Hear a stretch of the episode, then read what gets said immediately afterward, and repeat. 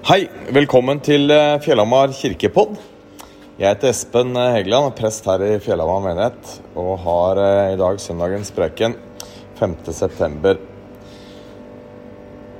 Forrige helg så hadde vi en litt krevende prekentekst i kirka fra Lukas kapittel 17. Der kunne vi lese om oss mennesker at vi er som unyttige tjenere. Forrige søndag så gikk vi da litt igjennom at dette handler ikke om Det er ikke sånn at uh, Bibelen ønsker å få fram at vi er unyttige tjenere i form av uh, noe mindre verdt, uh, noe nedgradert, nesten som å slenge dritt.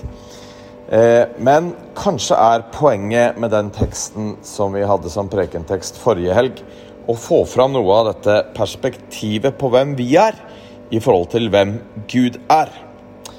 Og det kommer vi til å snakke litt mer om også i dag, denne søndagen etter. Gud, han er den som egentlig kan kreve. Gud er den som kan komme med alle betingelsene. Gud er den som kan komme og si 'men hør nå her'. Forholdet Gud-menneske er nært, intimt og høyst relasjonelt, heldigvis. Men forholdet Gud-menneske er også satt sammen av kan vi si, to vidt forskjellige størrelser, på en måte. Gud er stor, og mennesket er ikke det. Så baserer heldigvis hele kristendommen seg på at Gud gjorde seg selv liten, ble til menneske for å redde oss. Gud som var stor, blir menneske mennesket som utgangspunktet ikke er stor som Gud er det. Dette beskriver jo Gud. Dette forteller oss om hvem og hvordan Gud er. Gud er stor, Gud er sjefen, men han fornedra seg selv og ble menneskelik.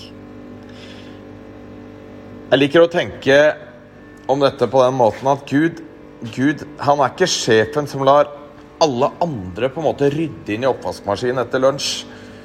Fordi han er sjefen, så gidder ikke han å bidra med det. Eller Gud, han er ikke fotballtreneren eller coachen som, som dukker opp på banen bare for å si noen ord, og så blir han flydd videre i sitt private helikopter. Nei, Gud, han er sjefen som rydder, som tar i et tak, tar del i møkka. Han er på treningsfeltet. Gud er ikke redd for svetten. Men han er fortsatt sjefen.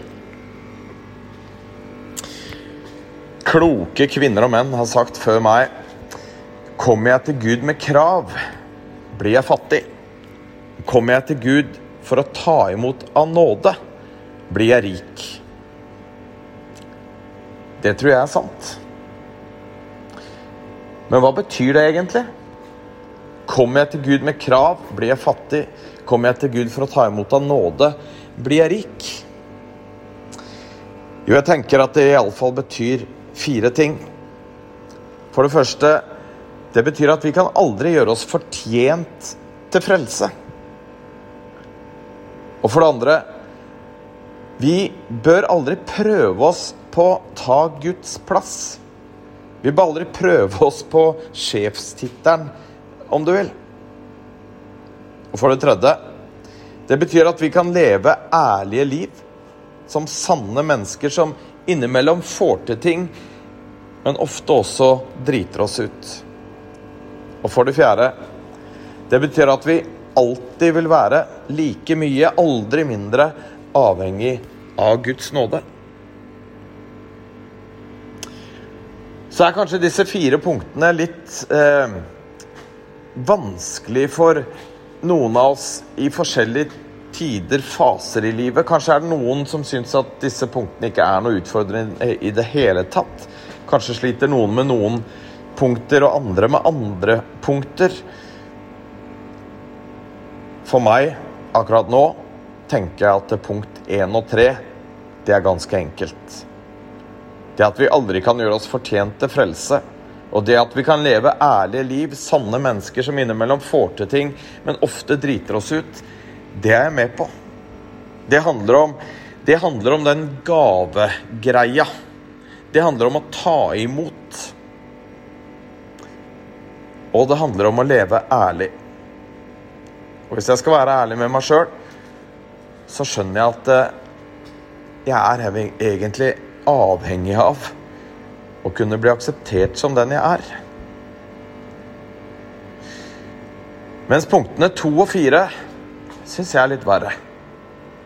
Punkt to at vi aldri bør prøve oss på å ta Guds plass. At vi aldri bør prøve oss på sjefstittelen. Eller punkt fire at vi alltid vil være like mye og aldri mindre avhengig av Guds nåde. Jeg får på en måte lyst til å ta over sjefsstolen, jeg, altså. Ikke på den måten at jeg får lyst til å, å kuppe himmelen på en måte og ta over Guds plass der, men i praksis så får jeg lyst til å bestemme. Gjør det på min måte. Jeg blir på en måte fort sjefen. Jeg har ambisjoner. Jeg har lært at det er sunt å ha ambisjoner. Jeg er den typen, kan man si. Det å bli på stedet hvil er egentlig tilbakegang, kan man høre. Jeg vil vokse, jeg vil bestemme. Og jeg vil gjerne legge til et og annet også som passer meg ganske bra.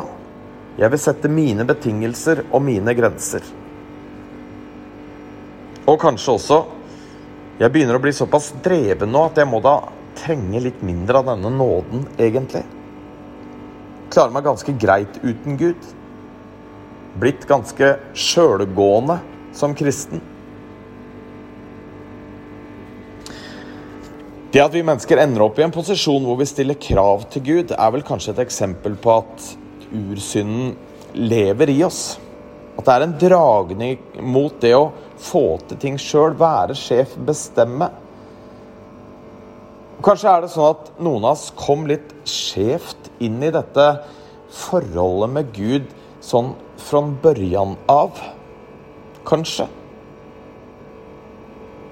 Kanskje tenkte man sånn eh, i perioden hvor man eh, kom til tro at ja, jeg kan jo bli kristen. Men da, da setter jeg disse betingelsene. Altså Det høres jo greit ut med denne 'være elsket av Gud'-greia, så det kan jeg ta med meg. Men jeg er sjefen. Eller kanskje er det noen av oss som har vokst inn i et litt skjevt forhold med Gud. Tenker kanskje at nå er det på tide at jeg skal tenke litt på meg sjøl. Jeg har tjent Gud så lenge nå. Nå må jeg begynne å sette noen betingelser her. Jeg syns eh, Johannes døperen er en fascinerende fyr. Ikke bare var han en snål, sær fyr. Eh, Birkenstocks-duden hadde han kanskje blitt kalt i dag, der han gikk rundt med sine lærsandaler og kamelhårsfrakk. Sær, men du verden, så bra. Og vi kan lese i Johannes kapittel 3, når disiplene til Johannes kommer til Johannes for å fortelle om at eh, Johannes, nå, nå, må vi skjerpe oss, nå må vi steppe opp litt her. For nå er det sånn at disiplene til Jesus de døper enda flere her nå. nå de, der samles det masse folk. Hva skal vi gjøre nå, Johannes? Og Johannes kunne jo lett ha vært den som da tenkte strategier, veivalg videre. Nå må vi sette oss noen mål vi skal jobbe for her. Og på en måte tatt grep. Men Johannes han vet hvem han er, og han veit hvem Gud er. Og eh, i vers 30 i Johannes kapittel 3 så kan vi lese at Johannes sier han skal vokse, altså Jesus, men jeg skal avta. Kanskje sto Johannes døperen sine disipler i fare for å havne litt skeivt utpå. Men Johannes visste hva det dreide seg om. Johannes visste hvem han var, og hvem Gud er.